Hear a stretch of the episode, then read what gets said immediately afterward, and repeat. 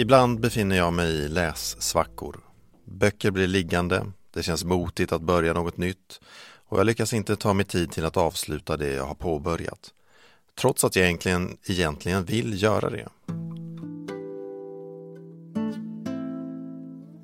När det blir så här så finns det en sak som brukar hjälpa mig att få igång läsningen igen.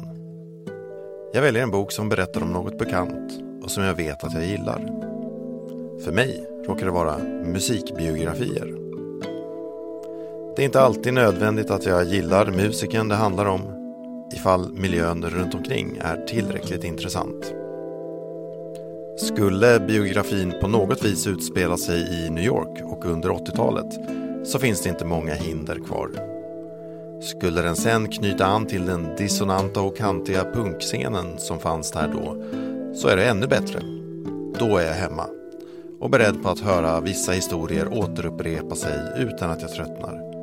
Hur smutsigt det var på gatorna, hur billigt det var att hyra ett loft och hur stora råttorna var.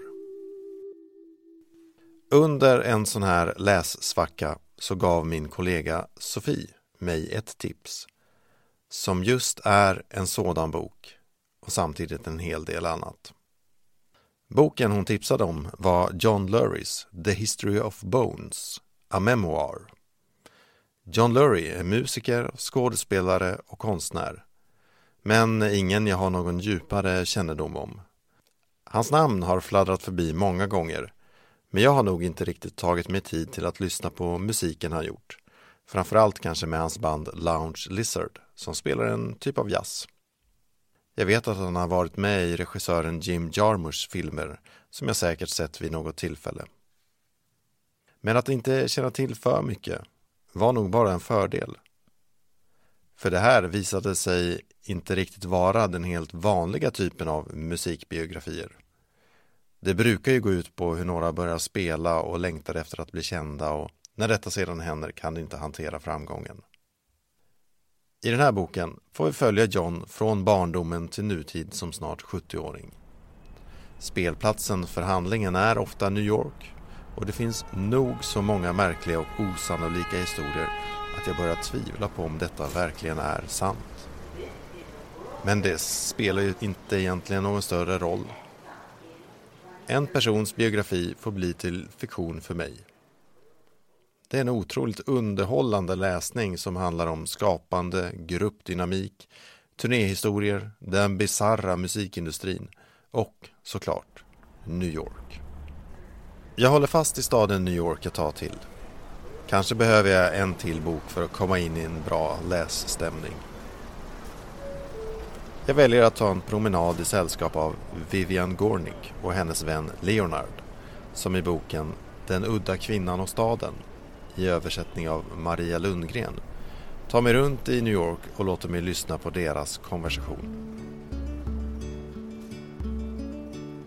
Gornick var nästan 80 år när hon skrev den boken och kan blicka tillbaka på en stad som förändrats men som ständigt fascinerar och lockar. Gornicks blick på staden och sin position är lite annorlunda men en del förenar henne med John Lurie tycker jag. Särskilt hur han använder staden för att lyckas i sitt konstnärskap.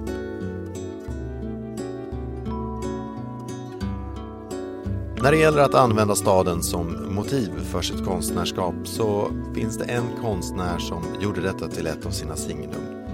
Men som även gestaltade den ensamhet som finns när man är omgiven av främlingar. I konstnären Edward Hoppers oljemålningar ser vi ensamma personer som befinner sig vid bord på kaféer och restauranger eller vid fönster i lägenheter. Vi som betraktare befinner oss ofta på andra sidan fönstret. Och kanske blir vi som åskådare precis lika ensamma i det ögonblicket som personen är på tavlan. Edward Hoppers målningar kan ju kännas lite uttjatade. Vissa är så vanliga som utsmyckning att det blivit en form av konstens musak. Men författaren Olivia Lang lyckas i sin bok Den ensamma staden i översättning av Karin Andersson och Sofia Lindelöf får man ju titta på bilderna en gång till och upptäcka nya dimensioner. Lang väver ihop hur ensamhet gestaltas och kan kännas med ett antal konstnärskap. Som bakgrundsfond använder hon sig av sina egna erfarenheter och staden. Vissa konstnärer är för mig välkända, som Hopper, men andra är relativt okända. Olivia Ling får mig till att leta upp bilder på det hon skriver om och ger mig till en viss del en ny blick på verken. Den ensamma staden blir en sorts biografi över ensamheten och olika människoöden. Leing skriver Jag var besatt av en önskan att hitta paralleller, konkreta bevis på att andra människor hade befunnit sig i mitt tillstånd.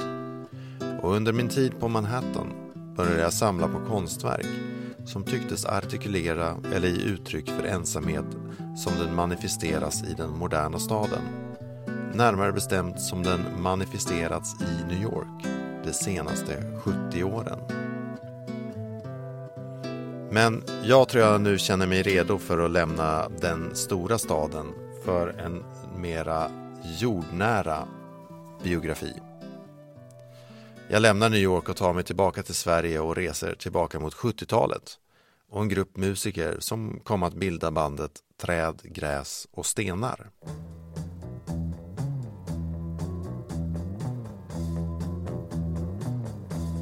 Historien, intervjuer och ett fantastiskt bildmaterial presenteras i boken Träd, gräs och stenar, en kollektiv berättelse.